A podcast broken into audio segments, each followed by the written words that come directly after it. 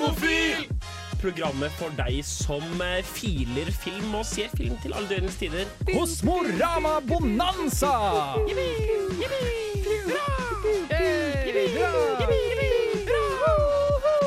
Filmofil presenterer Kosmorama Bonanza. Du hører på Filmofil på Radio Revolt. Hasta la vista, Ja. baby.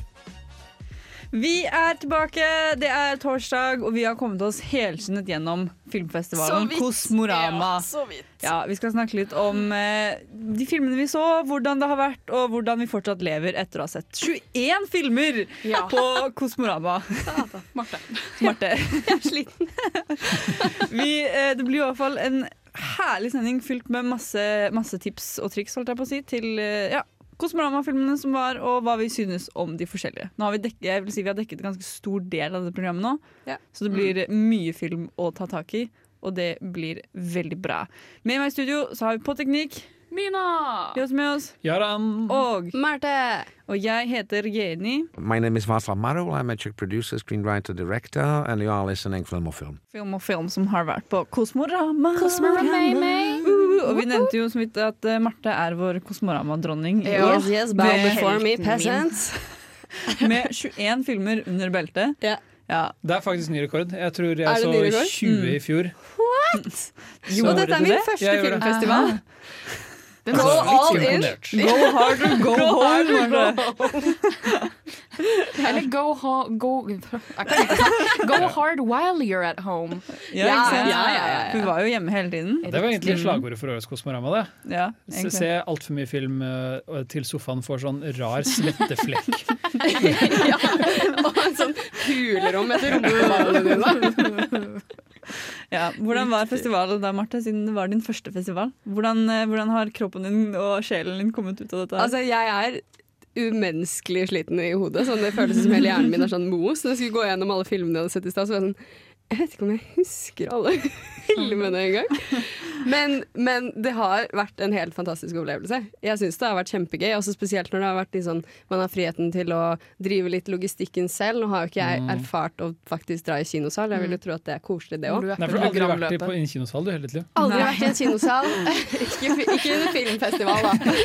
Det var jo faktisk det i år, da. Bare Ja, ikke for, ja, ikke, ikke for å mansplaine hvor du har vært. Oi, oi, oi, oi, oi, oi. Men vi gikk jo så Never Really Always helt i starten av festivalen, og det var veldig deilig å se én ting på, i kinosal. Ja. Det er sant. eh, når alt det andre vi så var hjemme i hverandres sofaer. Ja. Det er veldig hyggelig å bli kjent med alle sofaer. Ja. Uh, Nå har vi vært i alle sofaer, faktisk. mhm. Ja. Ikke dårlig.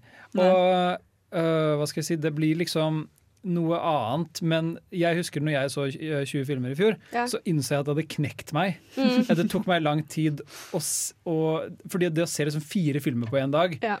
Det gjorde liksom at den barrieren for at jeg kan ikke se film for nå er klokka så og så mye, sånn, det, bare sluttet å bety noe for meg. Ja, ja, hadde ingen betydning. Jeg så film til alle døgnets tid resten av året. Og det var sånn, Dette er Kosmorama sin feil! Så du skylder på Kosmorama for at Ja, du ser mer film nå? Men det vekket også en eventyrlystenhet i meg. Eller eventyrlystenhet, men en slags sånn eh, interesse for å mer aktivt søke til filmer jeg vanligvis ikke ville sett. Fordi når du Mhm. forholder deg til festivalprogrammet, så blir det sånn Ja, dette er jo filmer jeg aldri ville sett hvis ikke festivalen på en måte solgte de til meg. Nei, ikke sant? Du får mye mer sånn små, veldig nisje filmer kan være liksom noen av de beste filmene du har sett i hele ditt liv. Ja, for det merker jeg sånn også, sånn, spesielt eh, Ja, med tanke på at det er min første gang. At det er sånn, sånn eh, ve, eh, Når det kommer til sånne internasjonale filmer, så er det veldig lett for min del i hvert fall å gå til de som på en måte blir store, Mm. og på en måte klarer seg ganske bra. Blir litt sånn popfilmer, på en måte. Ja, de popkornfilmene, Ja, pop- populærfilmene. ja, de men- alle ser og snakker om. Men Det var så mange små skatter i, i år, og jeg, ja, så jeg har lyst til å liksom Jeg vil se mer film fra Hellas, jeg vil se mer film fra Malta, jeg vil se mer film fra Russland, oppe i. Sibir. Det var liksom Jeg vil bli mer kjent med disse stedene også, Enig. gjennom film. Ja, det er, altså, som regel så vil jo kulturen på en måte prege uttrykket til en Mm. film også. Du ser en film og så er sånn Er det sånn det er når Kirgistan lager film, Ja. liksom? Er, det sånn, er, det, er det bare det de tar for gitt? Det er alltid gøy uh, å se på en måte filmindustrier som ikke er så etablerte, prøve å enten herme til andre filmindustrier eller bare gjøre sin helt egen Mm. greie. Ja, det var veldig gøy Og se hvor mye forskjellig det er. Mhm. Mer ut av Hollywood-modellen. Altså ikke mer pumpa ut av Hollywood-modellen, men mer utafor Ja, Hollywood-modellen. Ja. Men en annen ting jeg har også lyst til å nevne sånn i forbifarten når vi først snakker om Kosmorama og hele opplevelsen rundt det, er jo at uh, i likhet med Ramaskrik så er det liksom Det har alltid blitt en fast del av programmet at man skal ha quiz. Og, liksom sånne ting. og det, det Jeg liker så godt at de klarer å tviholde på de tradisjonene, selv om det blir, alt blir endret. For det var quiz i år også. Ja, de kjørte også digitale kjempegøy. studiointervjuer. Ja, Akkurat sånn Eh, som ja. de gjorde med Ramaskrik også, for så vidt. Og da har du sånn, på Kosmorama nå da, så var det sånn typ, du leide en film, og så fikk du med en sånn liten introduksjon eller et, sånn etter, sånn liten kort snutt som liksom hørte med filmen. da. Mm. Så fikk du litt mer film for pengene! Ja! Veldig sant. og det var veldig koselig. Kosmorama var egentlig bare Det var fint. I år også. Ja, veldig Ja, det er alltid gøy å se at det digitale formatet liksom funker. Mm. Mm. Uh, og at uh, vi Altså, pandemi eller ei, så får vi sett film. Ja. Vi Ingenting får sett oss. så mye film! Hei, jeg heter Roar Uthaug, og du hører på Filmofil på Radio Revolt. Det er helt riktig. Du hører på Filmofil. På Radio Revolt. Ja. Og vi tenkte vi skulle åpne showet med en film vi alle har sett. Hvor, eh, som også kommer på kino, i hvert fall Trondheim kino. Den, hadde vel, den har vel premiere denne uka eller neste? Ja, noe sånt. Veldig snart, i hvert fall. Ja. Ja, veldig snart kommer altså Tove på kino. Filmen om Tove Jansson, mm -hmm. kanskje best kjent som skaperen av Mummitrollet. Det var i hvert fall sånn jeg forholdt meg til navnet hennes. Sånn, ja, det er hun som tegnet Mummitrollet. Mm. Mm. Gjorde hun noe mer? Det var liksom det første spørsmålet jeg hadde. Og det viser at det gjorde hun jo. Hun er Eller hun hadde et veldig hva, hva skal man si? Hun hadde et veldig annerledes liv enn det man egentlig skulle trodd. Ja. Først. Ja. Fordi hun Jeg du kjente jo ikke igjen navnet engang. Det var sånn, jeg skal se Tove! Jeg var sånn, Hva er Tove for noe? Det er Tove Du vet Jansson! sånn votter, Tove vet sånn votter med sånn ullvotter sånn Ja, når- ja Tove-filmen. Tove. jeg sånn Tove! Og bare Mina, du strikker.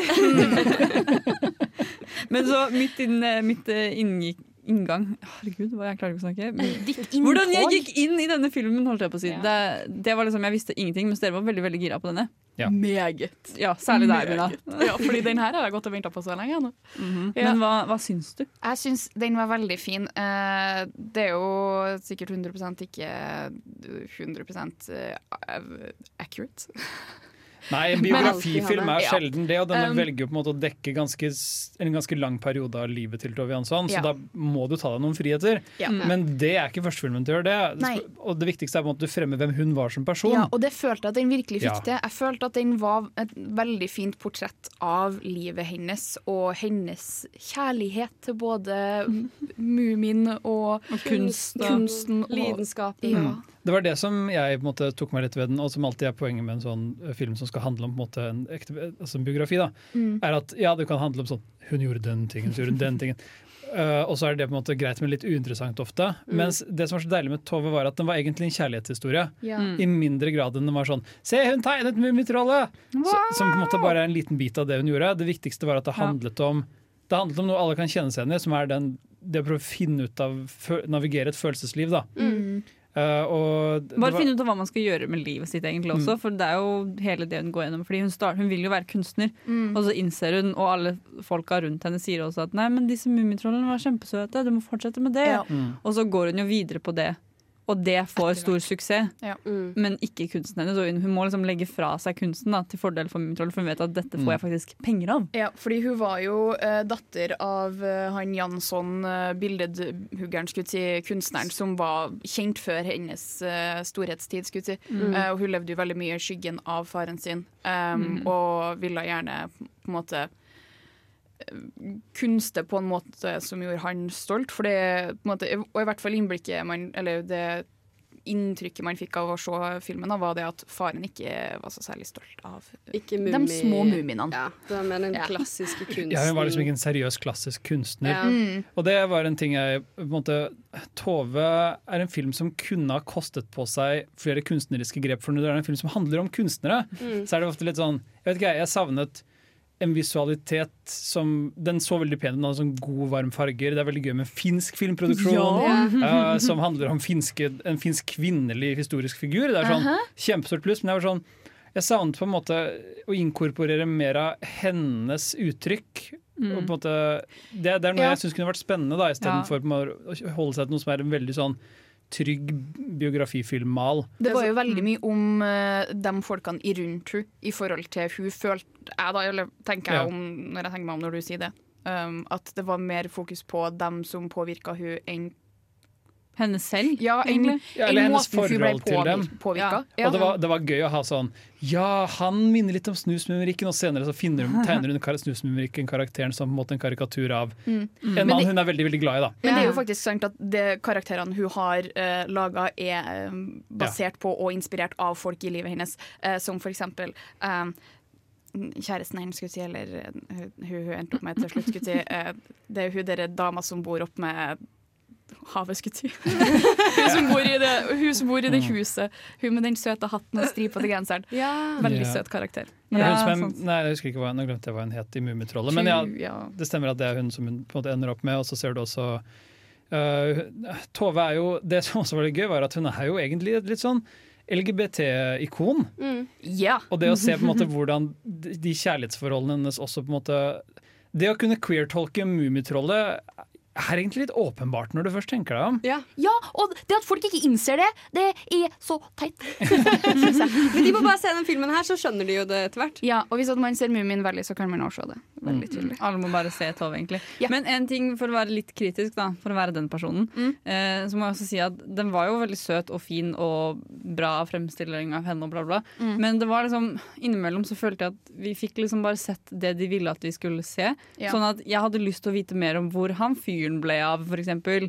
Mm. Hun Ja, hadde jo en han, fyr i eh, livet hennes som Altså bare hennes. Ja, han bare plutselig var borte, og så fikk vi ikke noe svar på det. Og så var det liksom småting som gjorde det hele litt Historien gjorde, det gjorde det litt forvirrende, da. Ja. For hvordan den hang sammen i det store og hele. Men Ja, Den kunne absolutt vært på en måte tightere. ja. Mm. men samtidig så setter jeg pris på en biografi som ikke er for tight, for plutselig så har du walk the line, og så sitter du på en måte der og sånn Ja, dette er jo bare søppel.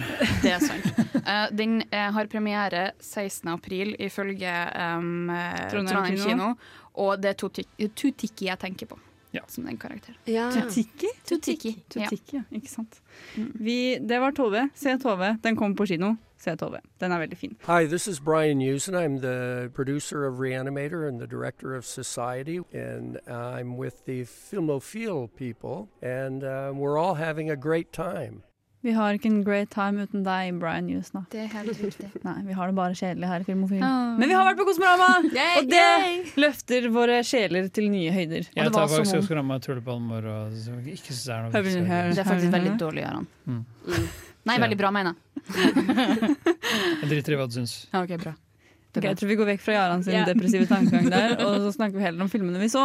Fordi det var, eh, som sagt, vi har sett, vi har sett altfor mye filmer. Vi har sett masse bra filmer. Hvilke Noen- filmer så vi da, Jenny? Ja. Vi har sett den den den. Nei. Eh, Vi endte opp med å se i hvert fall to vi skal snakke om nå, da, som gikk i det litt sånn dramatiske territoriet. Det er på en måte realistisk film gjort, men som handler om noe litt, ja, noe litt ekte. da som, Det handler om noe litt ekte, Var- men det er litt sårt. Begge disse to i eh, festivalens skråblikk-kategori? I hvert fall den ene. Den andre var vel i Mennesker imellom. Ja, det stemmer det. Jeg, Ja. jeg tenkte egentlig at de var begge to i det. Men eh, hvilke er det vi snakker om, da? Vi snakker om, eh, Først så kan vi snakke om Fangirl, som var en Yes. filippinsk film. Ja, Ja. det stemmer. Ja. Uh, den er uh, fra en, uh, en regissør som egentlig for et Det begynner å bli ti år siden. Jeg husker ikke navnet hennes. Uh, Antoinette ja, helt riktig. uh, jo, Jadon. Tony, som de liker å kalle henne der nede, har jeg hørt. Uh, som måtte bli hyllet litt som sånn den nye stemmen innenfor filippinsk indie-cinema. Tilbake Mm. for drøyt ti år siden. Uh, så hun lager fortsatt filmer, og jeg så en av filmene hennes da, for omtrent ti år siden. Mm. Og den gjorde ikke så mye inntrykk på meg, men når jeg så Fangirl, så fikk jeg en sånn Jeg kjente igjen uttrykket hennes med en gang, og jeg ble så veldig var på at hun har nok en stemme. Hun har en stil. Hun har en veldig tydelig stemme, da. Ja. Og den stemmen, eller den stilen er jo egentlig relativt sånn hyperrealistisk. Det er veldig mye fokus på liksom, øh, statiske kamera, ikke så mye kamerabevegelser. veldig sånn Ting ser veldig realistisk ut, og Mhm. vi følger karakterene våre close-ups. Uh, og Fangirl er bruker den stilen utrolig godt, fordi den handler om den dissonansen mellom et offentlig persona som vi skaper oss rundt en kjendis, Mm. Og det, og, som de- Faktisk møte denne personen Ja. i virkeligheten og tilbringe en hel dag med denne personen. Mhm. Og det viser seg at denne kjendisen Han har ikke et veldig typisk kjendisliv. Nei, han er, sånn- han er liksom sånn teen Harther Rob, sånn Robert Pattinsons eh, sånn når han var Twilight-helt. Ja. yeah.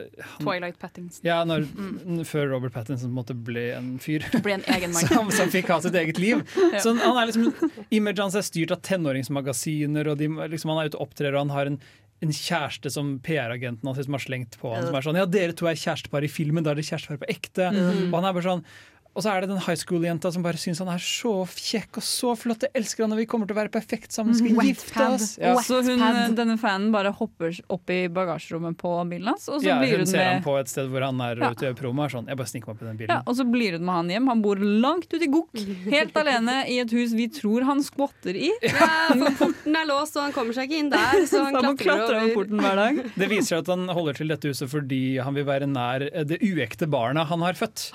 Han er og, født. og derfra så viser det seg at han er verken drømmeprinsen eller noe særlig sympatisk. Men filmen klarer både å handle om det og på en måte hvordan hvorfor og hvordan vi leter etter kjærlighet i en fantasiverden. Da. Mm. Og det synes jeg, den, jeg syns den var fin og litt klein. Den var veldig klein, og den var veldig, den var veldig spesiell, men det var, jeg, jeg er glad for at jeg har sett den. På en måte. Bra. Ja. Vi så også en annen film. Eh, Jeg og Marte så Whaler Boy. Whaler boy. Whaler Boy, Som jeg egentlig gledet meg ganske mye til, men jeg ble litt skuffa av. Ah. Fordi jeg trodde den skulle være mye bedre enn den var. Fordi premisset er jo at det er en eh, gjeng i Russland i et veldig lite landsby hvor de driver med hvalfangst. Mm. Og så oppdager han ene internettporno, basically. Eller hele landsbyen har Ja. camgirls. Ja, Ja. Camgirls er det. Ja. Og så skal han da, han blir forelska i denne jenta. Så skal han dra til USA og finne henne. Og det er liksom bare det Romantic. Det høres kjempeteit ut, og det er kjempegøy. Og det beste er at han planlegger at han skal ta en sånn jolle over, fordi de er, det her er i nordøst eh, Russland. Så vi Ja, kan så vi kan fare over Beringstredet, og så er du der. Alaska. Ja, ja. Så planen hans er da å dra over til Alaska. Og hun er da i Detroit, som er andre siden av kontinentet. For han tenker jo da at USA er jo USA. Hun kommer jo til å være der blant alle disse skyskraperne som er Alaska. Hvis jeg drar til Alaska, så er jeg basically New York. Så Ja, det er hans idé. Og så legger han ut på denne ferden, og vi er litt sånn men hva er, hva, er, hva er planen hans nå, egentlig? Og så blir han fanget opp av en sånn politibetjent i, på grensen eh, i USAs territorium eller noe sånt. Mm. Og så tar han hånd om han, og så Ja. Det er bare Det er bare hvordan han, han har på en måte Han tror jo at når han snakker til denne camgirlen gjennom kamera, så tror han at hun hører han hele tiden. Mm. Og det er så nydelig når han sitter der og er sånn, prøver å lære seg engelsk og er sånn I love you, big blue face! Og er sånn, I want to be your beautiful, wife! I'm you big blue face! Det er veldig, Same. den er veldig søt, men litt skuffende, for jeg hadde veldig store forhåpninger til den. egentlig. Jeg likte den veldig godt. Ja, Det var bare jeg som var dum. For et program i burra med både klasse og stil. Du hører på Filmofil. Og Filmofil har vært på Kosmorama. Trondheim internasjonale filmfestival. Hvor er Hey! TIFF! Wow. Nei. Nei, Hold up. Mina, Mina, nå Det er deg. filmfestival. Ja, det Vi er Tromsøs filmfestival. Vi har også filma? Stories. Vet du hva? Vet du hva? Trondheim er bedre! Jeg har sett film på TIFF, og de har gjerne, gjerne et skikkelig solid program. Nice. Nice. Men vi har ikke vært på SIF, vi har vært på Kosmorama. Yeah. Og det har vært mye bra film der òg. Vi har sett eh, alt fra det vi snakket om i sted, litt drama, dramarealistiske filmer, Ja. til bare litt sånn litt spenningsfilmer, litt mystiske filmer. Og eh, du, Jaran, og du, Marte, dere så en film. Så mener du den skumleste filmen jeg Den har sett? skumleste filmen noensinne har Det er jo sånn at Kosmorama pleier å kjøre eh, et samarbeid med Ramaskrik, så Ramaskrik-folka de har liksom plukket ut et par spennende internasjonale filmer eh, i skrekkfilmkategorien. da. Og det er liksom et impetigore, yeah. som jeg ikke visste- hva betydde før etter jeg så filmen, heldigvis. Og eh, jeg tenkte den må jeg se, for den handlet om at i en landsby så hviler det en forbannelse som gjør at de ikke kan få barn. Denne må du bare se, sånn, tenkte du da. Dette skal jeg se. Indonesisk film om eh, barnedødelighet. De har nemlig ganske høy barnedødelighet i Indonesia. Så jeg tenkte kanskje det var en film som ville på en måte treffe en nerve og handle om noe som skjer i det landet. da. Eh, Der tok jeg feil. Ja, det var ikke akkurat det den gjorde. Det er jo en um, jente som på en måte Hun ble jo tatt med til storbyen av tanta si Når hun var veldig ung. når hun var veldig ung, Mm. men er originalt fra en landsby, og familien hennes eide sånn svært hers herskapshus. Så hun tenker jo da å dra tilbake til den landsbyen for å kunne selge det huset for å få penger. Men hun husker ingenting fra da hun var liten. Nei. Og så, og så kommer hun til landsbyen, og så er det litt sånn Something is funky here. Vet du. Det er liksom noe rart som skjer, og hun er der med venninna si. Og de kommer til et hus, og så begynner det egentlig som, mer som en spøkelsesfilm. Mm. eh, hvor det er sånn rare skygger i bakgrunnen, og noen sånn skumle jenter som går rundt i huset om natta og sånn. Og så hele tiden mens dette foregår, så har de som er ansvarlig for musikken til denne Ja. filmen, de har tenkt sånn Hva er skumle lyder? Og så er det noen sånn Du vet den spøkelseslyden? Hvilken lyd da? Den hva hvis det var soundtracken til filmen? Og så har noen sagt ja! Og hele filmen er bare full av sånn Og så, Noen som spiller på sag i bakgrunnen. basically. ja, egentlig. Det blir liksom parodisk. Ja. Uh, ja. Men den hadde, jeg syns den hadde en veldig solid første halvdel. Da, da, da ble jeg genuint skremt og hadde fysiske reaksjoner. Men jobber på en måte opp til en sånn jump scare, eh, som Ja. du gjerne ser i skrekkfilmer også. Det er veldig vanlig i skrekkfilmer Men så skjer det som også er veldig vanlig i skrekkfilmer nå, og det er at siste halvdel er sånn Nå må plottet liksom begynne å bevege seg, og bitene må falle på plass. Og så blir det bare masse, masse plott, plott og så går, går filmen litt sånn det er den insidious, sinister, um, conjuring-formelen. Jo, Hvor liksom filmen jeg bare lik- klikker litt i jeg siste liker halvdel. den, eh, Jeg liker den malen, ass. Jo, men da må filmen klikke nok. Ja, det er sant. Det er sant. Og det, gjorde, ikke nok. og det gjorde ikke den filmen, bortsett fra Ja. at den har en sånn massiv eksposisjonsdump som prøver å forklare hele greia gjennom et flashback slash en drøm. Ja. Som er sånn kjempeabsurd. Og det bare varer og varer. Og så er det sånn Oi! Jeg, kan- jeg, kan ikke, jeg kan ikke spoile engang, for det er for mye som skjer. Ja. Alle lå med hverandre, og det er bare helt krise. Ja, ikke sant? Ja. Jeg tenker vi lar den ligge da, med, den, eh, med det som siste ord på den, den filmen. Se den hvis du tør. Så ganske fint da. Ja. Vi har også sett uh, andre filmer som går liksom, ikke helt samme kategori, da, for det Ramaskrik-programmet er jo en egen greie. Ja, Der viser du litt sånn filmer som skal gå inn for å være skumle filmer. Mm. Men vi så jo noen sånn, ja, du kan kalle det thriller eller litt sånn sånne filmer, da. Mm. Hva er det jeg leter etter? Ikke thrillerfilmer. Intense. Intense filmer! Spennings- Ja. Og vi så en film som het Club of Angels. Marte, Yes, det som var, det virket som den skulle være veldig sånn oh, et murder mystery party med Mm. veldig mye mystery. Men det endte opp med å være et murder mystery party uten mystery. Bare Mm. murder party. Ja, ja, fordi det, det tar ikke lang tid før de finner ut hva, hva som er greia, hva som er mysteriet. Mm. Eh, fordi det, det starter med at de har en sånn eh, De er en vennegjeng. Ja, som spiser middag en gang i året. Og så dør han som er liksom verten. Oh. Eh, og så har de mid flere middager, og så på en måte forsvinner én og én. Ja, de dør. De dør. De det er veldig tydelig at de dør. Ja, de, de dør. forsvinner ikke. Ja, ikke helt Clue-filmen. var. Ja. Basically. Men så er det sånn de, ja, det, det, det jeg likte med den filmen, er de dramatiske effektene. For det er sånn med en gang noen får sånn innser noe, eller noe sånt, så blir det rød bakgrunn med en gang. Sånn, wow, bam! Shit, dramatisk! Ja, litt sånn anime-stemning. Ja, egentlig. Jeg syns det var veldig gøy, og Det det, passa veldig veldig bra inn i filmen. For det er jo, De har på en måte tatt vekk hele den mysteriedelen, fordi alle er på en måte litt innadforstått i at å ja, det er det som er greia, noen skal dø liksom i hver middag. Hvem er den neste? Men så er det også bare måten de har laget det sånn som det at det er som veldig dramatisk effekt. Bam, rød bakgrunn når det er noe som skjer. Og så er det veldig mye bryting av den fjerde vegg, som Ja. er veldig Ja. veldig kult. Ah. Det er kjempekult hvordan de har gjort det. Det er liksom Alle skal liksom, de snakker i telefon med hverandre, og så går han liksom inn i rommet til hvor han andre sitter, og så er det liksom litt sånne ting, da. Oh, kult. Så det er, Det er er ganske stilisert. Altså. Det er veldig Ja. ja. Ja, egentlig. Den har på en måte et, eh, et uttrykk som Det høres ut som kanskje har litt høyt energinivå også. Ikke egentlig. Ja, det er det. For de, de, liksom, de bruker alle disse tingene ganske sånn Ikke veldig mye på en gang. Men det er litt sånn teatralsk. Det høres litt Ja, sånn den, er, den, er litt, den er liksom på grensen til å være pretensiøs. Mm. Ja. Ja. Men det, det føler jeg også er mye pga. maten de serverer. Ja, For jeg ja, sånn sikla gjennom hele den filmen. Jeg skjønner ikke hvorfor det skulle være kulinarisk kino, for å si det sånn. Og så er det en fyr som gråter når han spiser sjokoladekake. Det er flott. Det er jo meg, det, hele tiden. Det er veldig, Jeg veldig spiser fint. mine følelser. Gjennom kake. Fordi Tenk kake deg å føle sjokoladekake. Ja. er for et liv. Ja, det var akkurat det han følte. Han var den sjokoladekaken. Så han, spiste, han slukte den sjokoladekaken, han. Fordi den var så god. Ja, det var, eh, det var en film som var, liksom, det var grei å se. Ja, jeg syns den var morsom. Ja. Den var, det var litt gøy, spenning. Jeg vet, jeg vet ikke hvordan jeg skal Det var spennende.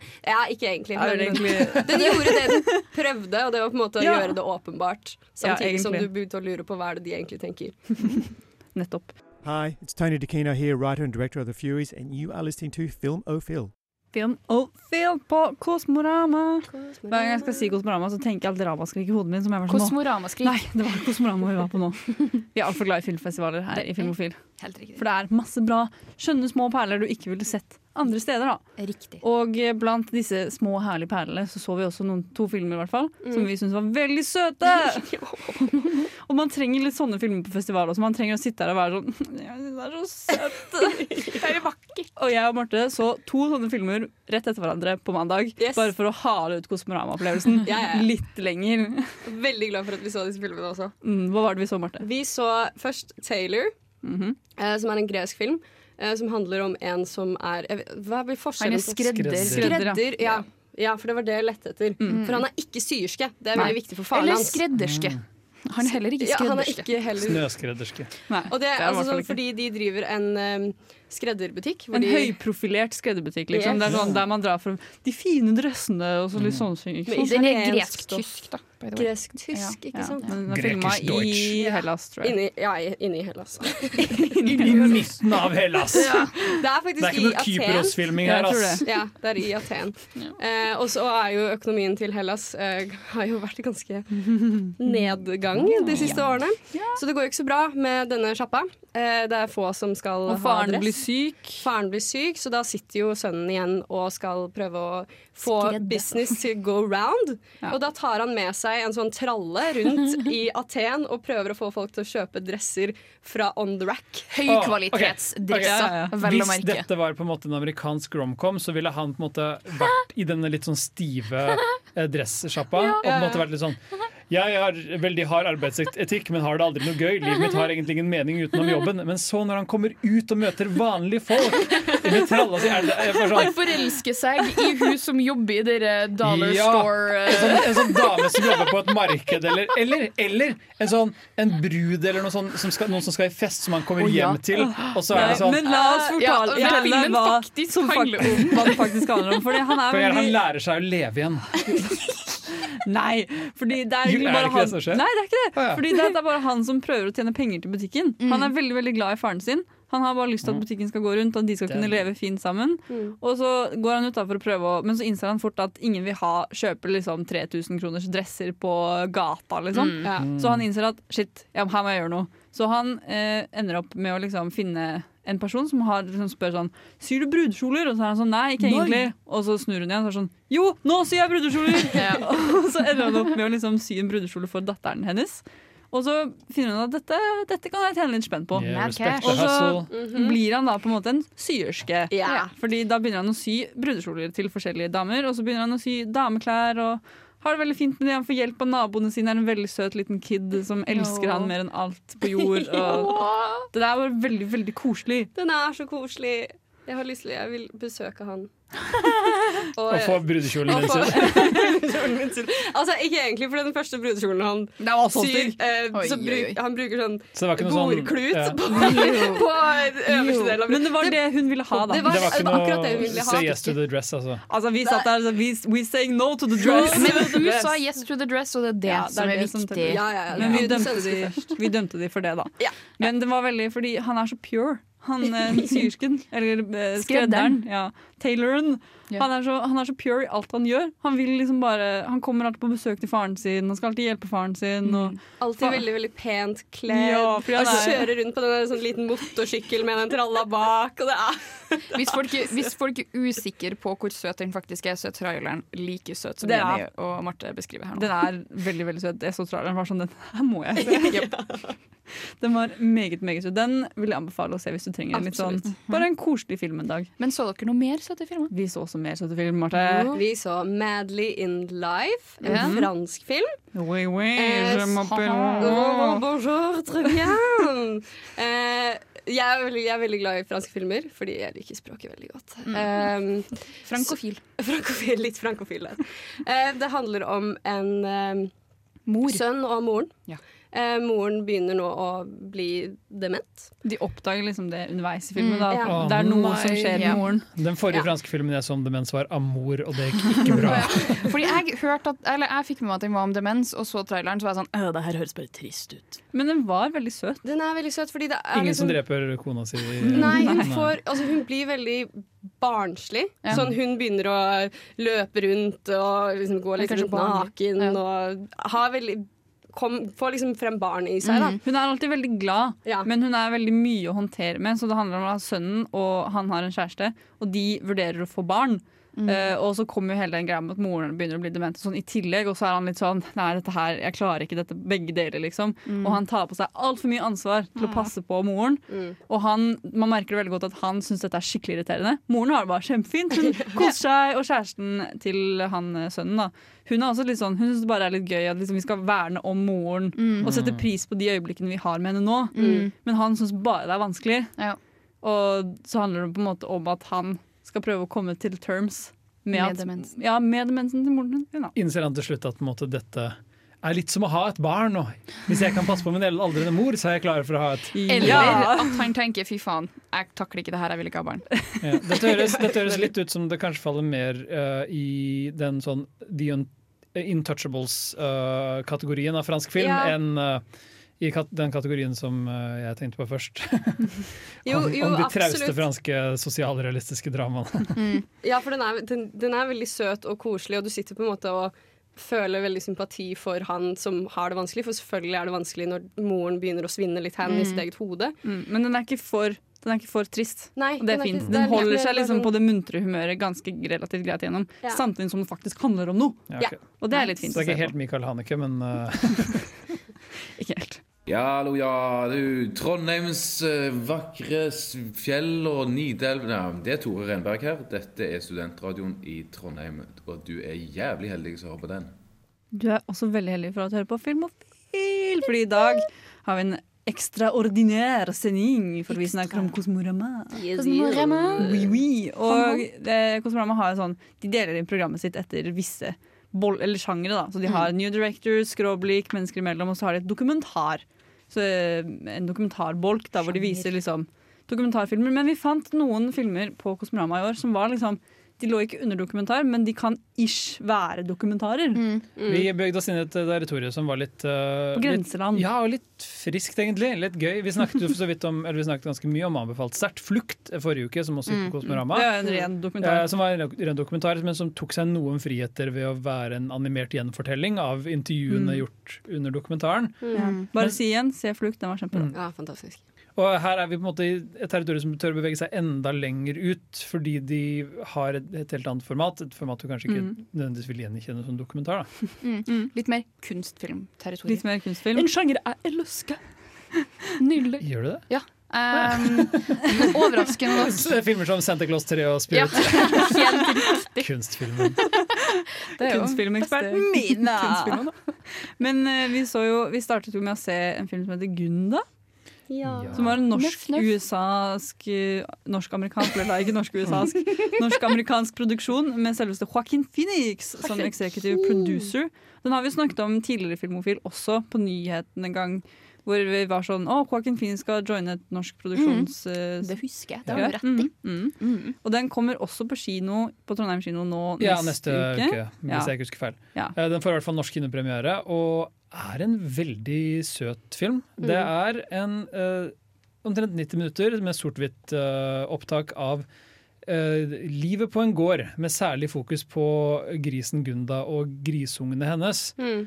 Og det er ingen voiceover. Ingen musikk, hvis jeg husker. Nei.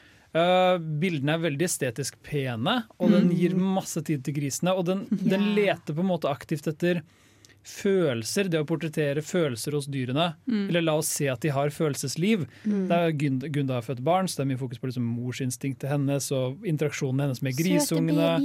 Ja. Babyen er Det ser jo veldig pent ut. Um, Ja, det hjelper at den er i sort-hvitt. ja, så det ikke ser Det så hjelper skittent ut. så mye at det er i sort-hvitt. Altså, grisa er faktisk fryktelig renslige Så det at griser er skitete dyr, det er falskt. Nei, men det er jo det, med bildene, ikke sant? fargene og sånn. Gjør det at for du ser blir mye født, de er jo fulle av Ja, det morskap sant, det sant, det faktisk sant. og, og, Ja. alt det, alt det som kommer ut da. av En grisefødsel var vakkert i denne filmen. Det er alt jeg kan si. Det er, liksom, det er En av nok. grisebabyene blir trampet i hjel av, eh, av moren sin. Og det, det vil jo sett mye styggere ut på, på, i farger, så jeg tror det er litt av grunnen til sortutvalget. Men jeg vet ikke, jeg har vært på en gård før, så for meg så var det litt sånn Jeg vet, jeg vet allerede at. At dyrene har komplekse følelsesliv. Det er ikke en film som gjorde at jeg var sånn Nei, nå skal jeg aldri spise kjøtt igjen. på Du måte. følte ikke på den gårdsidyllen med alle gårdsdyrene? Nei, den måte sånn? viser en økologisk gård her i Norge Ja. som har som prosjekt å ha veldig god dyrevelferd. Mm. Så den klarer liksom heller ikke å illustrere den, den prøver ikke å si noe om hvorvidt dette er normen eller ikke. Så for noen så tror jeg kanskje man kan bli litt sånn Nei, se så fint grisen har det på en gård. Mm. Det er sant. Alle griser har det kanskje. Og så er det sånn, nei, Ja. det har de ikke. Men jeg tror sånn, målet med filmen var egentlig bare at de ville vise liksom, en, en dag i livet til dyrene. De vil liksom prøve å Sånn. vise det fra dyrenes perspektiv. Ja. Sånn kan en gris leve. Ja, og Mm. det, er, det er liksom ikke noe mer enn det. Og jeg føler at en film som liksom har fått såpass mye oppmerksomhet, det er bare sånn eh, Joaquin Phoenix har gått inn som er en aktiv liksom, veganer og veldig glad i dyr og masse Mm. sånn, at jeg føler at den skulle ha noe mer å si.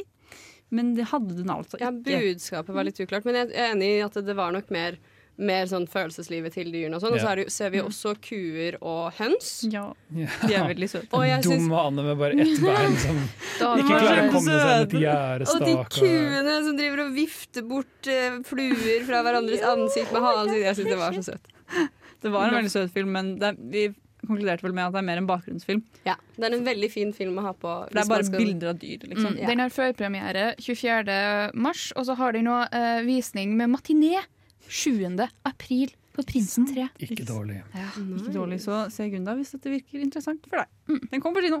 Men vi så også en annen film som heter The Metamorphosis of Birds. Ja, og det var jo en av dem eh, Kosmorama kom hit og besta Anbefalte. og anbefalt. Mm, fordi de anbefalte den jo vel hovedsakelig for at det var en veldig pen film. Ja. Den er pen, eh, kanskje særlig hvis du er sånn insta-ho. Hvis, du er, hvis du er svak for den utvaskede pastellestetikken som går igjen hvis du har er et spesifikt. Instagram-filter. Det er jo en fin estetikk, da. Det er faktisk det. det òg. Um, så den er estetisk veldig pen. Som dokumentar så er den spennende fordi det er jo ikke en dokumentar. Mm. Uh, Det er en metadokumentar. Ja, den er omtrent like mye dokumentar som Kurostamis Close Up eller Orson Welles sin F for Fake. Det er på en måte mer et essay enn Mm. noe annet. Uh, som den, handl- den er på en måte en opplesning av regissørens egne refleksjoner om forholdet til foreldrene sine og oppveksten sin, Mm. satt til stillbilder filmet med kamera. Ja. Mm. I utgangspunktet natur, og på en måte den prøver å vekke minner Mm. visuelt gjennom lyd og bilder, i tillegg til å være sånn et brev faren har skrevet når han Mm. var til sjøs som sjømann, eller 'jeg husker den dagen broren min gjorde dette', og, og så er det på veldig sånn poetisk Alt er veldig sånn poetisk. Det føles ut som de leser opp et dikt, liksom. Det er Ja. veldig mye et eh, sånn performativt dokumentaraspekt Ja, aspekt, jeg eller eh, sjanger. Ja, og som en sjanger, en øvelse å liksom bøye, teste grensene for sjanger, så er det kjempeinteressant. Uh, det ser altså helt flott ut. Jeg havna i total transe jeg, når det var en sånn, hvor det var bare blomster som åpna seg, og så var det musikk i bakgrunnen. Så jeg begynte å se for meg at musikken kom fra blomstene, og så ble jeg helt Jeg satt ut. Marte var ikke rus på det tidspunktet. Jeg ser for meg litt sånn 70-talls Ja, ja, jeg, jeg satt der og var sånn Hvilken verden er jeg i nå? Dette er helt sinnssykt. Marte var sånn, helt borte. det kan gå med deg hvis du ser altfor mye film på Ja, filmfestivalen. jeg tror også det var et Ja, resultat. du, du når en slags sånn naturlig uh, celluloid høy. Ja, ja, ja, ja. Rusa på film. Kanskje en smule pretensiøs for min For min del var den altfor pretensiøs. Jeg syns den ble for mye av det gode. Jeg holdt på å sovne flere ganger. Jeg tenker det er noe med sjangeren å gjøre, da. Ja, det, det er veldig- det var ikke helt- Det var ikke helt min film, men jeg kan se verdien i den. På en måte, Ja. Hva de prøvde på. Og det er det som er sånn viktig. Ja, det er drømmende og, Ja. og, og ja. Jeg skjønner hva dere sier, jeg bare likte den ikke. Evocative er et ord på engelsk, ikke kan det norske ordet for, men det er det jeg ville kalt den. Hei, dette er Nicolai Kleve Broch. Eh, Jeg vil bare si, hør på Filmofil, så får du med deg mye bra stoff om film. Og i dag mye bra stoff om Kosmorama. Trondheim internasjonale filmfestival! Ja! Ikke, Ikke Tromsøs uh, internasjonale filmfestival. Ikke TIFF. Nei. Nei. Sånn driver vi ikke med. Heller ikke Biff, heller ikke Siff. Nei. Heller ikke Biff. Nok om det. Voss internasjonale filmfestival hvis du er der ute. Jeg vet Slutt. Slutt, Gøran! Shout out. Vi eh, snakket litt om eh, eh, dokumentarer, eller ish-dokumentarer, før vi hørte Performative dokumentarer. Ja, ja. Men som jeg nevnte også, så har jo eh, dokumentarer, faktisk. Det var en blanding av dokumentarer og Kosmorama. Eh, Kosmorama har også en, eh, dokumentarama. Dokura- Dokumentarama. Noe Mm. Ja, Ja, de har jo også en egen dokumentarsjanger. Yes. Eller bolk i programmet sitt, som vi også fikk sett noen filmer fra. Mhm. Vi, vi så en som er liksom Ja, vi kan gå litt i sånn ish-dokumentar igjen, da. Men vi så en film som heter Bloody Nose Empty Pockets. Ja, dette er jo erkeeksempelet på enda en performativ dokumentar, egentlig. Mm. Uh, mer en øvelse i cinema verité, som vi snakket litt om forrige uke også. Den, eh, altså det er filmen som skal skildre liv. Fordi Bloody uh, Pockets Empty Noses eh, kommer på en måte inn som en film som skal, bare skal skildre siste nedstengingsdag for en Las Vegas-bar. Ja, bare helt liksom, typisk dagen bar for stamkundene deres. Ja, men Det er på en måte siste Egentlig. for en litt shabby bar. Ja. Men alt sammen er jo, eller ikke alt er skripta, men alle er skuespillere, alt er, alle er innhyrt, de har fått directions. altså Barn er i. New Orleans. Ja, de har filmet i New Orleans. Det er på Oh, en wait, måte en er det direct what? Ja, det er, det er Mhm, på en måte en fake eh, dokumentar. Det hadde ikke jeg Nei, innsett. og filmen forteller det deg ikke heller. Den er egentlig ute etter å lure deg. Så det er ikke en faktisk bar som skal legge ned? Nei, Nei. det er ikke det. Og den gjør Men jeg trodde også veldig på det før Ja, jeg ja. gikk inn og så denne filmen. jeg måtte, jeg måtte liksom google to-tre ganger for å finne ut av det. Skal jeg være ærlig Og den gjør ingenting med metateksten sin. Den bare later som den er en dokumentar. Interessant. Men hvis man skal se på den som en faktisk dokumentar, så er den litt interessant. Hvis man skal se på den som en film, så blir den litt mer sånn eh. Ja, Når dette var planlagt, hvorfor handlet du ikke om noe? Ja, Ja. det er nettopp det. For det er jo bare karakterene. Men det Men det var jo et fluss av fantastiske karakterer Det var det. i Og denne baren. jeg velger å tro at mye av dette var improvisert skuespill fra på en måte sånn semitrente skuespillere. Ja. Og halvveis basert på ekte folk også, Ja. sikkert. Ja. Og det var veldig søtt, for de spiller jo på en måte alkoholikere og hjemløse og på en måte litt sånn ja, Folk som lever i denne baren, da. lavere kaste som ja. Og de er sjarmerende karakterer, altså. Veldig veldig realiserte, alle skuespillerne. Men var det For jeg husker du sa Drikker de faktisk alkohol? Jeg tror de gjør det. Ja, ok, for da De er blir det sikkert litt drita. Men den er Hvis ikke er de, hvis ikke er de veldig gode skuespillere. men den er spilt Ja. inn over sånn fem dager, så det er jo ikke det at alle gjør alt på en kveld. Okay. Mm. Det er sånn, Siste innspillingsdag så bare shotter de sånn tre shots for å komme opp til det nivået på slutten av filmen. Absint og Men den er jo veldig fin på å skildre det. Liksom sånn, okay, Hva skal jeg gjøre når denne barn legges ned? Og jeg har alltid slitt med detten og datten og vet ikke hvor jeg skal Det her er familien min. Og Ja, ja, den er jo på en måte sånn- et, et snapshot av en veldig sp spesifikk måte, type, da. Ja. Med folk som faller gjennom systemet. mm. Men, Men det er mest over et karakterstudie, egentlig. den bruker på en måte ikke til å si noe, følte jeg. Nei. Nei, ikke Men egentlig. det var en sjarmerende bakgrunnsfilm, da. Ja. I hvert fall. Om ikke annet. Og veldig, vi lo et par ganger. Det var så Ja, Jeg lo bra ganske mye, barn. Ja, altså. Det var, Vi koste oss. Men vi så noen filmer som faktisk var dokumentarer. Eh, Vi så noen av musikerfilmene på det, det nye programmet til Kosmorama. For det var nytt fra i fjor, tror jeg det var. Da begynte de med musikkfilm.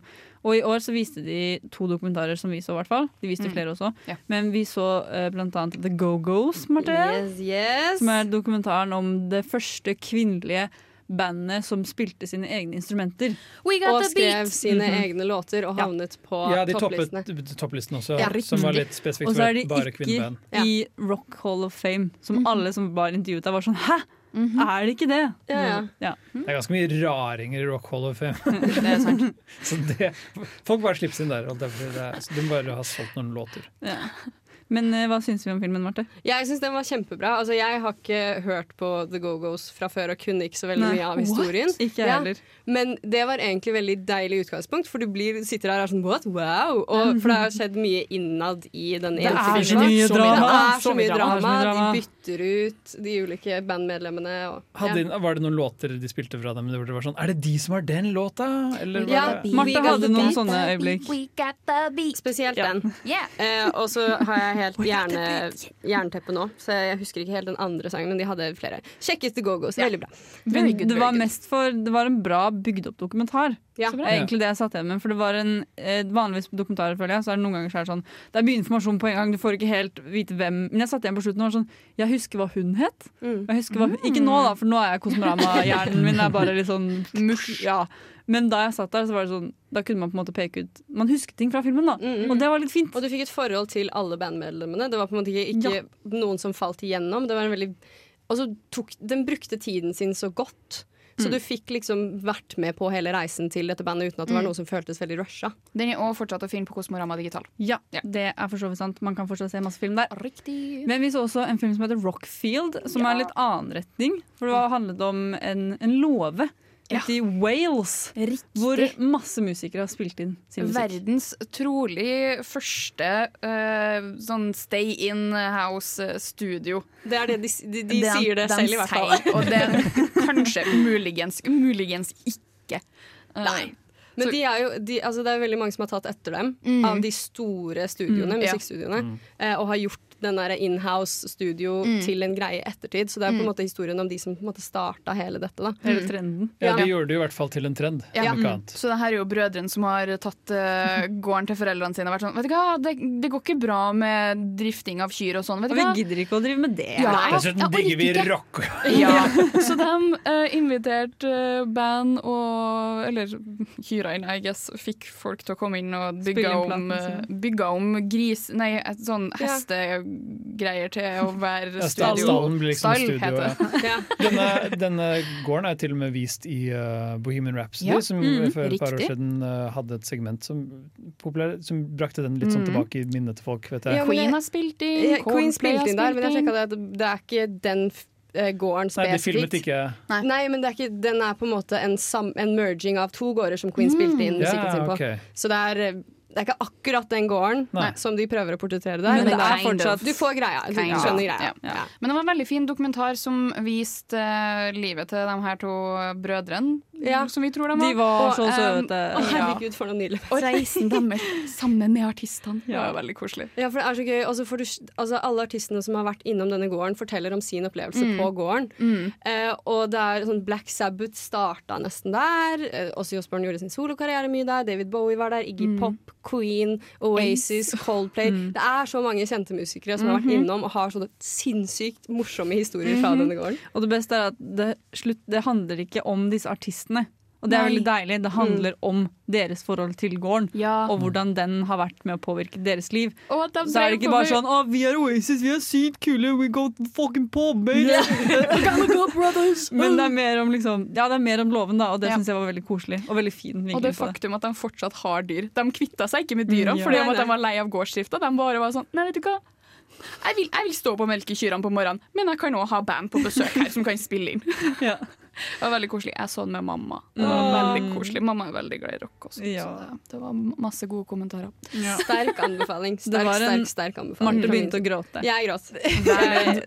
Det var ikke den eneste filmen jeg gråt på, men det, det, det var, den, den rørte meg. Den, var, den var veldig skjønn. Det er en veldig, også veldig godt laget dokumentar. Mm. Mm. Verdt å sjekke ut. Hei, mitt navn er Arild Andresen. Jeg heter Vebjørn Enger, og du hører på Filmofil.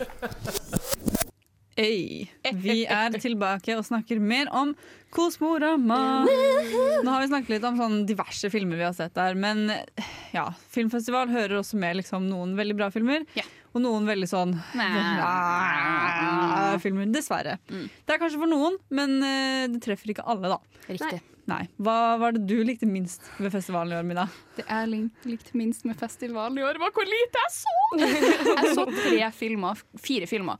Uh, og sånn, Den jeg likte minst av dem, var Red Post on Etcher Street, men den har bare grodd mer på meg i ettertid, så jeg kan ikke si at det er den jeg liker minst. Men det er litt bra da, at eh, av eh, liksom, den dårligste filmen du så, var fortsatt en bra film. Mm. Fordi det var ikke den dårligste. Så sånn Kvalitetsmessig så var den dritbra, det var bare at den Mm. var så kaotisk. Å, og du sitter der og sånn Hæ, hva foregår? Men liksom, jo mer du sitter der og er han derre karen fra Sherlock eh, med de røde trådene, så blir det sånn Vent, men det henger jo sammen med det. Og vent, å oh, ja, oh, det her er jo faktisk ganske bra. Det her er smart. Wow! Wow, ja.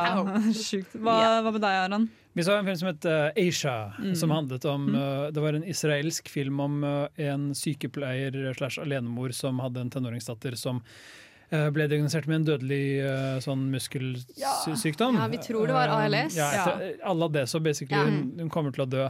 Og denne filmen, altså filmen om å miste tenåringsdatteren sin og båndet mellom datter og mor, Ouchies. det burde få meg til å føle noe. Men denne filmen den var liksom over på 80 minutter, og han, du, bare, du tok ikke til karakterene i det hele tatt. Det Nei, den, den startet liksom med at uh, den ville at du allerede skulle ha et kjennskap til karakterene før filmen hadde Ja. starta. Ja. Og det gjorde at man satt igjen med sånn Man fikk aldri tid til å bli kjent med de. Så når på den måte tårevåtslutten kom, så var jeg bare litt sånn Dette fulgte jeg ikke med, eller hva skjedde, Da liksom? satt Jaran der og var sånn wah, wah, boo, Ja. you whore. gud, mistet du datteren din? Voks opp, du lever i fuckings Israel!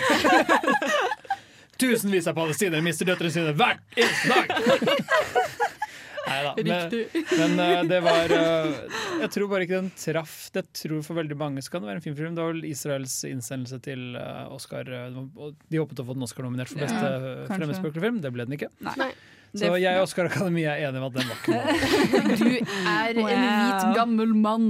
Om jeg er Ja, Nå har du rett til å si det, meningen, Mm. Oscar Akademi. Ja, 25 år. Hva hva med deg, Marte? Eh, jeg har litt samme som Mina. At den filmen som traff meg minst, var ikke en dårlig film. Det var eh, filmen som vi snakket om forrige sending, 'Through the Night'. Den dokumentaren om hun som driver en døgnåpen barnehage. Um, jeg vet ikke, jeg, jeg ville på en måte at den filmen skulle gi meg litt mer innblikk i hvordan underklassen og de som må ta syv deltidsjobber for å få dagen til å gå rundt, på en måte ja, lever, yeah. og hvordan det er Altså, fuck USA. på- yeah. Yeah, ja, ja, ja. jeg, jeg, jeg, jeg fikk liksom ikke den eh, eh, Den følelsen som jeg trodde at jeg kom til å få av den filmen. Så det var Mm. mer sånn litt skuffa. Det var en veldig fin film. Ja. Mm, det er enda en sånn film som du vil at den skal handle om noe mer enn den egentlig gjør. Ja, og så I tillegg så jeg følte ikke jeg satt igjen med den følelsesmessige reaksjonen. Jeg hadde lyst til. Nei. Nei, ikke sant. I mean, Men Er det fordi filmen ikke traff deg, eller er det fordi du er død på innsiden? Mest sannsynlig det sistnevnte. Men, eh, Selv, selv, altså, ja. selv altså, jeg sagt. Men det var jo, vi snakket jo om tror eh, Through the Night forrige sending, og vi var jo, alle enige om at den var litt Den var ikke helt det vi forventet, Nei. og den hadde, den hadde mye potensial. Definitivt. Ja. Det var det, det var det som var litt trist med det nå.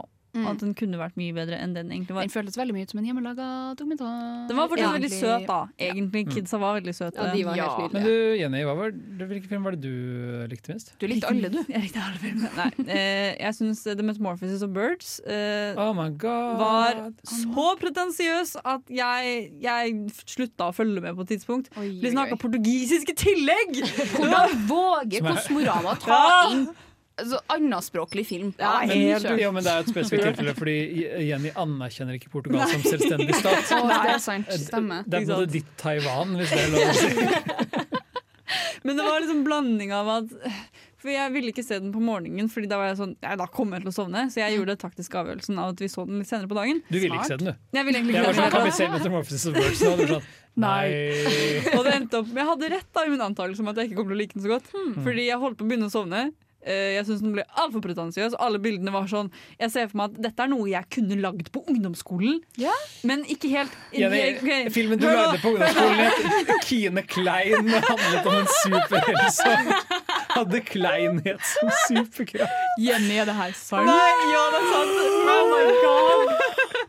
Oh my god, Vis dem på Kosmorama 2022!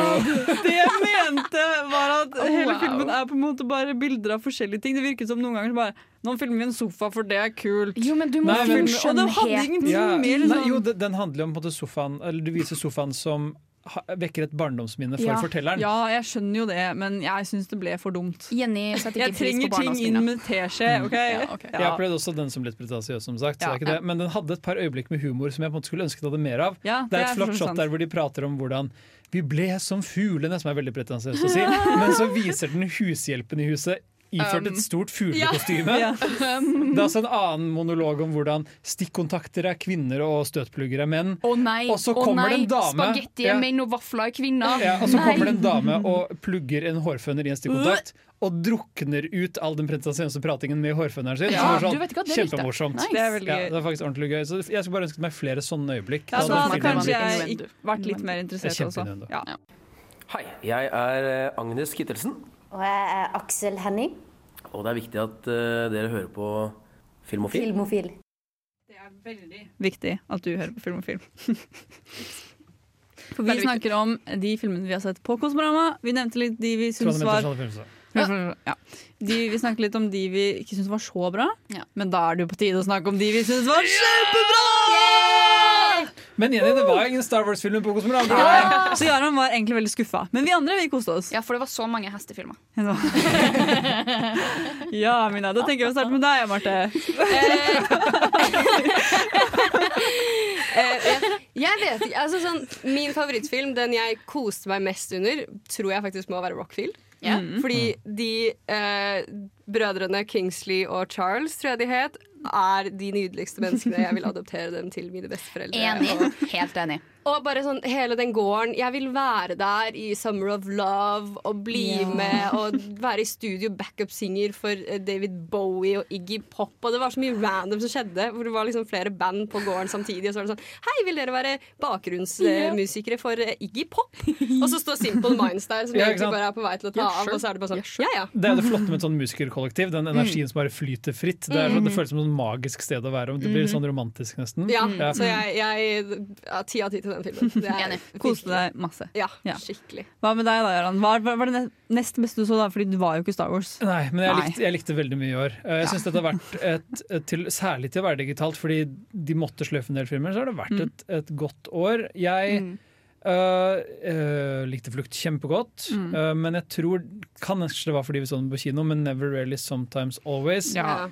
Traff på en måte meg på en sånn Å, jeg, bare, jeg likte å være i den filmen, selv om den handlet om noe veldig tungt, som var Ja, det å ta abort. ja, de gjorde det så bra. Men jeg, jeg Ja. var så svak for den litt sånn kornete 16 mm-estetikken og den følelsen av at dette er sånn Dette er en indie-filmskaper med noe å si. Mm Som har bare, sånn Kvinnelig regissør også. ja, Gerilja-filmskaping. som liksom, Vi har bare gått ut Times Square. Vi har, det er veldig tydelig at de har ikke tillatelse til å filme i Times Square. De er bare sånn OK, vi bare filmer noe nå, så får vi håpe ingen ser oss.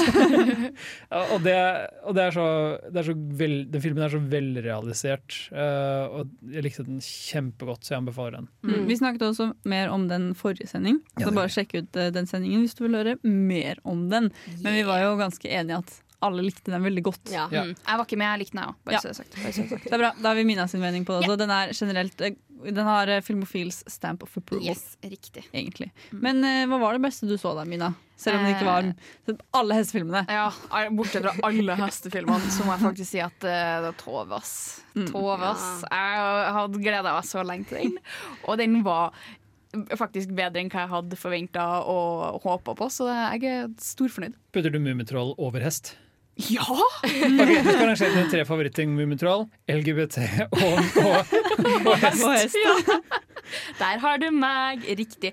Og Tenk om det hadde vært en hest i Tove, da. da hadde det vært- faktisk vært min nye favorittfilm. Punktum. Punktum.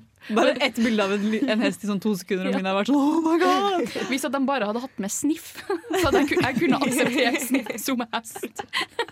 Det høres kontroversielt ut. Hvilket dyr er egentlig sniff? Godt spørsmål. Jeg tror egentlig han er en rottetype. Jeg føler han er så sånn, rottete. Mm. sånn jordgnagergreier. Men Ja, ja, Sniff er en karakter. Ja. Kosmorama, uh, kort uh, Kosmorama-faktaopplysning for å prate om juryprisens favoritt. Mm, ja! Um, For hva- de har jo også Det var to priser Kosmorama deler ut. Det er juryprisen Publikum. og Mm. publikumsprisen. Publikumsprisen i år ble vunnet av Lussu, en Yes. film fra Ma Malta. Malta. Malta. Mm. Den rakk ikke jeg å se. Rakk noen dere se den? Vi så halve. Ja, vi rakk ikke, for den Mm. gikk jo ut 23.59. Oh, ja. Ja, vi var veldig ambisiøse nei. da vi startet på den. Ja. Men det- vi så var veldig fint. Den hadde veldig potensial til å bli veldig bra. Da. Men dere så Madeline Life, som vant uh, juryprisen. -hmm. Ja. Det gjorde vi.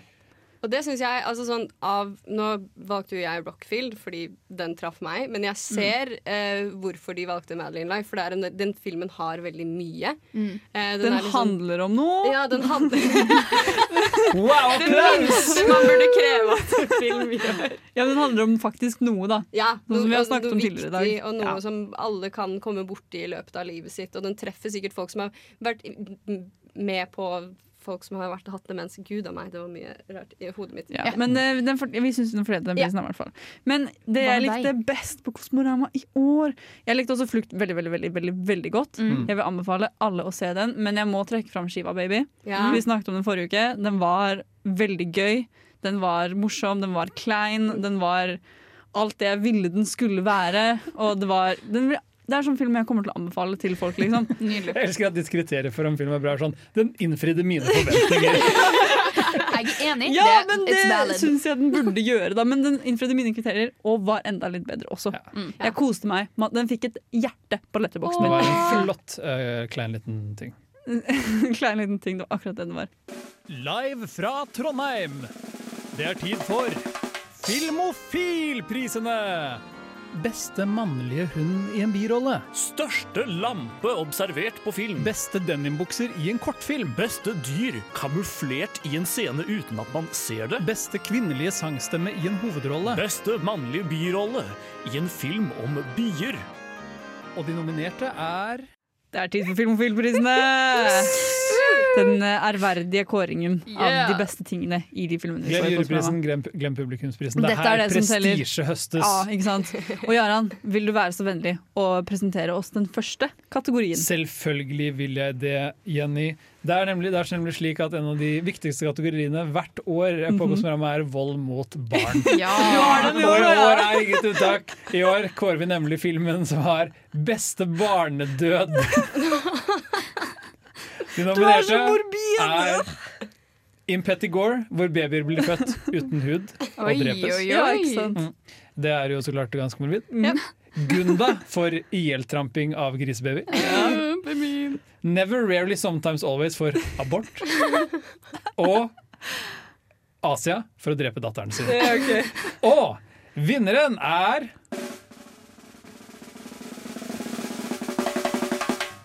Det går til baby uten hud. Impetigore må få denne. Det fins ikke en bedre måte å bli kvitt noen unge på. Overraskende mye barnedød på Kåssprogramma som jeg ikke hadde tenkt over. Damn. Ja. Det var det- fire dominerte, liksom. Det, Ja, det vil jo, jeg vil jo påstå at aborten i Never Really Sometimes Always skjer av eh, skjermen. Da. Ja, det sagt. det, var, det. ikke- Ja. det var ikke så veldig grafisk. Eh, derimot Men det skjer. eh, viser ikke at barna dør, men Den Det viser barn uten grafisk. Jo, den viser jo også at uh, han dreper jo tre barn, han, eh, han gale landsbyhøvdingen, uh, som han skulle skjære over strupen på. Så det er mye barnedød i, uh, i Impetigore. Hjelp, jeg er redd. Ja, og, det, og det skal den søren meg ha. Ja. Mina, vil du presentere oss med neste kategorien? OK.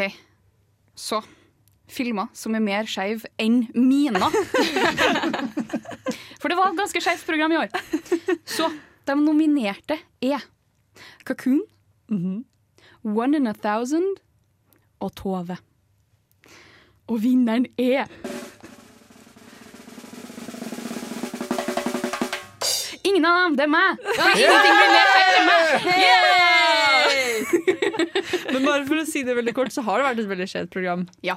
Det har vært et ekstremt skjevt program. Det Ja. har vært eh, portrettering av eh, Jeg tror det var demens i eh, Ikke Charlatan, men det var en film som portretterte Ja, det er homofilt Mm. Ja, Mm. da var det Charlatan. Um, hvor det var sånn Å, min mann, dement, å nei. Og så har du òg My Name Is Bagdad, hvor det er snakk om kjønnsidentitet. Og det Ja. er òg på det skeive spe- spektrumet. Så Ja. liksom Det er masse. Ja. Kosmorama har gjort en god jobb med uh, skjev representasjon. Ja. Og generelt bare sånn eh, representasjon. Det vet vi at de jobber med, det lønner lønner seg. Mm. Uh, spørsmålet mitt til deg, Mina, er Føler du at du har jukset fordi du er den eneste her som er certified gay? Nei. nei, jeg føler faktisk at det er Mina er den eneste som kan vurdere dette her på Ja. et teoretisk og bra grunn Mm. grunnlag. Ja, så jeg føler egentlig at uh, som så underrepresentert uh, kategori, skulle jeg si, så er jeg eh, vel og verdig Ja, til å Et, et, et av de sjeldne årene hvor akademiet nominerer seg selv og vinner. Hvem skulle trodd? Men eh, ja. Marte, har du en kategori til oss? Jeg har en kategori. Det er beste lovlig dop. Oi, oi, Og de nominerte er Blomstene i Metamorphosis of Ah. Birds, Camgirls og Demens. og vinneren er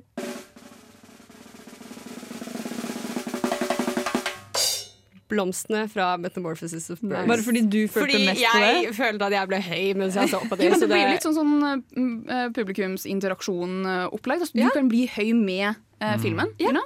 absolutt. Kjør på. Jeg har lyst til å snakke om en snubb her i denne kategorien.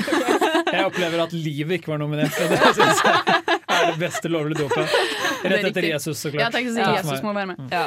Min kategori er beste våpen. Og de nominerte er Beats, Beasts Clawing at Straws, hvor han kaster eh, en røyk på den andre personen fordi han, mens han løper vekk. Han bare kaster røyken sin på han, og så løper han vekk. Det funker. Han ble litt, han ble litt satt ut. Ja, Ja. Og så er det også ehm, i, eh, også i eh, Beasts Clawing at Straws så er det den asiatiske Robert Pattinson, som vi kaller han for.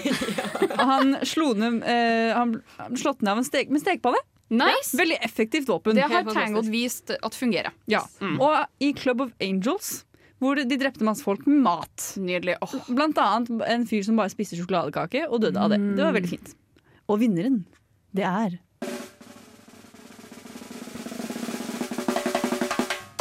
Bjom. Joiken han kaster på han andre i Åh, søren, ikke det, er liksom de, det er de små tingene ikke sant? som du setter ut andre med. Du trenger, du trenger ikke å skade. Så du kan bare kaste noe på dem, og så blir det litt sånn Oi, hva skjedde nå? Og da har du plutselig et langt forsprang. Overraskelse er det beste våpenet. Det er faktisk det. Live fra Trondheim. Det er tid for Filmofilprisene. Beste mannlige hund i en birolle. Største lampe observert på film. Beste denimbukser i en kortfilm. Beste dyr kamuflert i en scene uten at man ser det. Beste kvinnelige sangstemme i en hovedrolle. Beste mannlige birolle i en film om bier. Og de nominerte er Det er mer Filmofilpriser. Og filmpriser og da. Mina, har du en kategori til oss? Det har jeg fordi jeg så uh, Rockfield med moderen. Hallo, hallo der i stuen din der hjemme, mor. Eh, så den neste kategorien er beste kommentar fra mamma mens vi så rockfilm. Og første er nominert til Bandet der har jeg aldri hørt før. Og så fortsetter hun med å synge sangen som kommer på. Jeg tror vi snakker om Ace eller et eller annet sånt. Du kan rette meg på det senere, mamma. Det går helt fint. Uh, neste er Åse Osborn var så kjekk og søt når han var ung! Og så er siste Vil du ha mer cola? Og vinneren er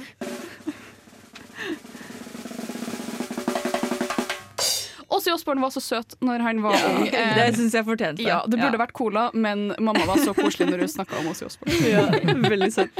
Hva med deg, Jaran? Har du en kategori til oss? Om jeg har Jeg har beste sammenbrudd på film. Å, ja da. Det var en herlig rekke nervesammenbrudd. Det var det. Og de nominerte er Aubrey Plaza for sammenbruddet hennes i Black Bear. Det er jo helt ekstremt. Rachel Sennett for sammenbruddet hennes i Shiva Baby. Mhm. Og Tatsuhiro Yamakok for sammenbruddet hans i Red Post on Esher Street.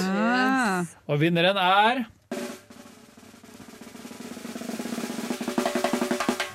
Aubrey Plaza for Black Bear, fordi Ah. for et skuespill, for en presentasjon. Ja, vi snakket om det forrige uke også, men hun spiller så bra i den filmen. Hun gjorde virkelig det. Dette var et uh, tett race fordi det var kun peak sammenbrudd. Det er faktisk sant. Jeg Eh, ble litt skuffa over at Red Post on Natural Street ikke vant deres. Nei, det var også et, et episk sammenbrudd av eh, proporsjoner. Det var så langt sammenbrudd. Det er mest realistiske sammenbruddet. Definitivt. Det er sånn jeg Og har Shiva sammenbrudd. Baby var uh, mye på måte mer psykisk utmattende Ja. sammenbrudd. Ja, ja. Eh, så for alle Masse typer sammenbrudd der. Kan det være en sending om dette er sammenbrudd i film? Men uh, Marte, har du en kategori til oss? Jeg har en kategori for uh, beste hår. Mhm. Og de nominerte er hovedpersonen i Club of Angels, som har sånn det tynneste Han har, han har egentlig måne, men han har så tynt, pistrete hår på toppen, og han prøver å liksom tappe det ned. Det er, bare sånn, det er sånn det er tegneseriefigurer. når man tegner sånn strå med- som er sånn Ja, opp hodet. Ja, han har sånt hår! Og så prøver de liksom å glatte det ut, så er det bare så ser man hårene Og så bare bare popper det opp. Eh, og neste Nominerte. nominert er eh, Tim Burgess, eh, i, eh, som kommer fram i Rockfield. Han ser ut som han har en mopp på hodet sitt. en gul sopp. En gul sopp. Rett og slett. så. Og siste er uh, hovedpersonen i Fangirl. Fordi Mhm. han har liksom manbun, men når han tar det ned, så ser han så jævlig skitten og Ser ut som, han ser ut som der han bor. Ja. Så er ganske beste hår er litt sånn beste verste hår, da. Ja. Underholdende. Og vinneren er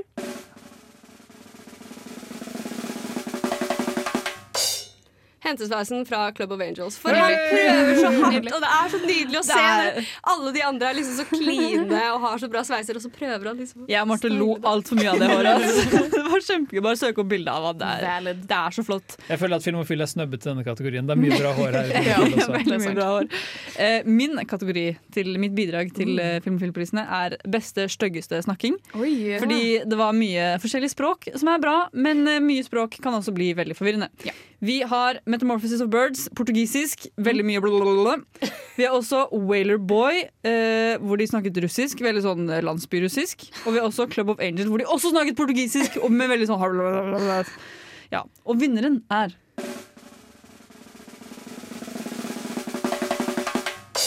Club of Angels, fordi da var de på en måte også litt fulle fra vinen de hadde drukket i maten. Ja. Mens de spiste mat, så var det også portugisisk. Det ble for mye for meg. Jeg trodde ikke det var et språk engang. Det var beste, styggeste snakking på film.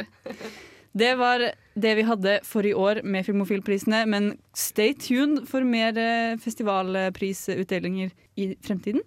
For det kommer vi ikke til å slutte med. Nei.